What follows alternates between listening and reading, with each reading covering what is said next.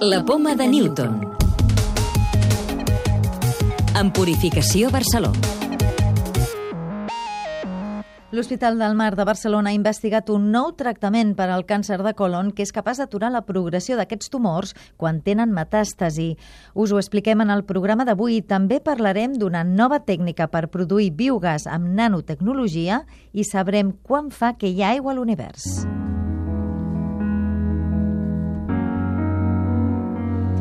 El nou fàrmac contra el càncer de colon s'ha assajat en ratolins i en 13 malalts, amb resultats molt esperançadors, com ha confirmat la directora de la recerca, Clara Montagut. El que veiem amb ratolinets és que aquests tumors desapareixen i amb línies cel·lulars. Els resultats són molt bons i amb els pacients que hem tingut també han sigut resultats molt i molt bons. Són resultats molt prometedors, estem la veritat és que molt contents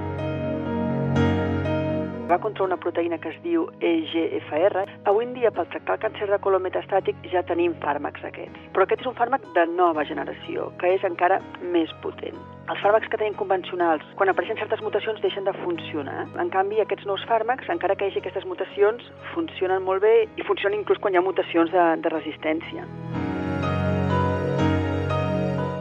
Aquestes mutacions de resistència es donen aproximadament en un quart dels pacients. Quan hi ha aquestes mutacions de resistència, els fàrmacs que habitualment usem no funcionen. I ara, en canvi, aquest és un nou fàrmac d'aquesta mateixa família que sí que funciona, tenint en compte que és càncer de colon metastàtic, que és el tumor més freqüent quan tenim en compte homes i dones, doncs és una, un bon percentatge de, de pacients. Els investigadors confien que la nova teràpia es podria generalitzar en un període de dos anys.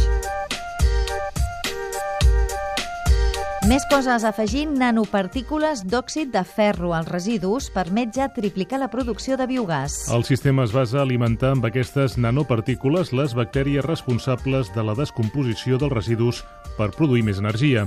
Víctor Puntes, de l'Institut de Nanociència i Nanotecnologia, és un dels impulsors de la iniciativa. Els bacteris que transformen la biomassa en biogàs estan en permanent anèmia. Donar-los un suplement de ferro el que fa és tenir-los més estimulats. És fer uns minerals molt petits, van deixant anar ions de ferro 2, que és el que li agrada als bacteris.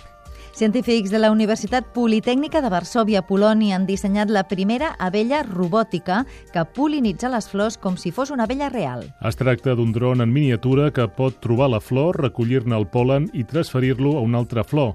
Aquest primer insecte robòtic ja s'ha provat amb èxit i es preveu que el seu desenvolupament sigui una alternativa per afrontar la reducció de la població mundial d'abelles. Una dona cega aconsegueix veure colors i formes amb un ull biònic que estimula directament el seu cervell. Es tracta d'un xip desenvolupat per investigadors de Califòrnia que li han implantat amb cirurgia i que estimula les cèl·lules del còrtex visual, envia senyals directament al cervell.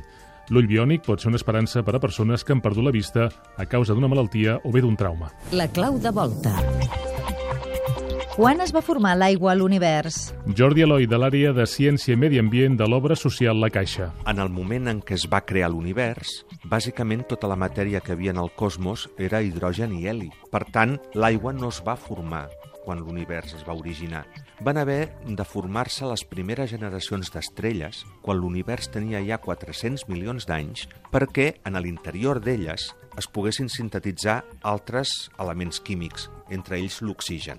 Aquestes primeres generacions d'estrelles van néixer, van evolucionar i van morir, moltes d'elles explotant com a supernoves. I a l'explotar van enriquir l'univers amb oxigen, carboni, nitrogen, etc. Aquest oxigen va necessitar un cert temps per poder-se combinar amb l'hidrogen en determinades condicions físiques per poder formar aigua. Per tant, es calcula que l'aigua es va formar aproximadament uns mil milions d'anys després del Big Bang.